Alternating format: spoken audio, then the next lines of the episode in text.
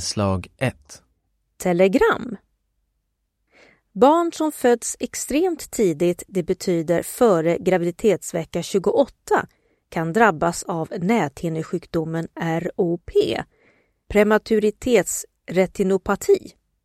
För att minska risken har man i en studie på neonatalavdelningarna på universitetssjukhusen Göteborg, Lund och Stockholm givit en del barn som vårdas där en kombination av fettsyrorna omega-3 och omega-6 i förebyggande syfte.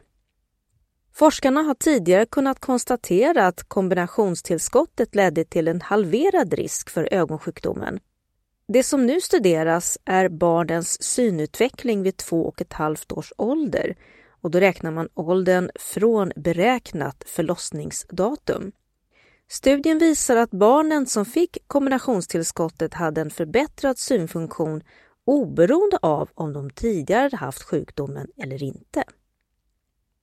Med anledning av den fortsatt höga inflationen föreslår regeringen i budgetpropositionen för 2024 en förlängning av tilläggsbidraget för ekonomiskt utsatta barnfamiljer som har bostadsbidrag.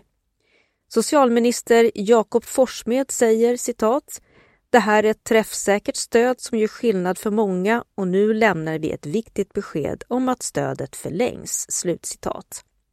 Det tillfälliga bidraget föreslås ha samma utformning som det tilläggsbidrag som redan är på plats och som löper ut den sista december i år.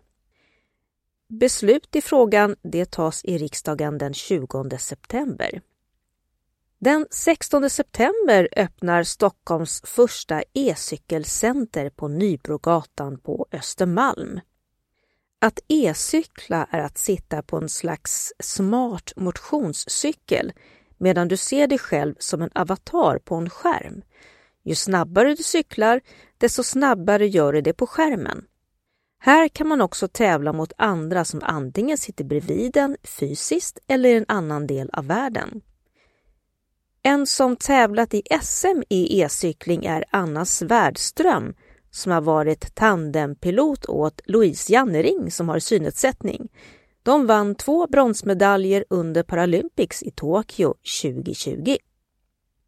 Vi avslutar telegrammen med en upp och nervänd ek som kommer tillbaka.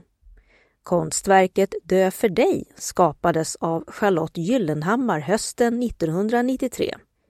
Det stora trädet hängde, upp och ner alltså, över Drottninggatan vid Sergels torg med rotsystemet uppåt och kronan som pekade neråt.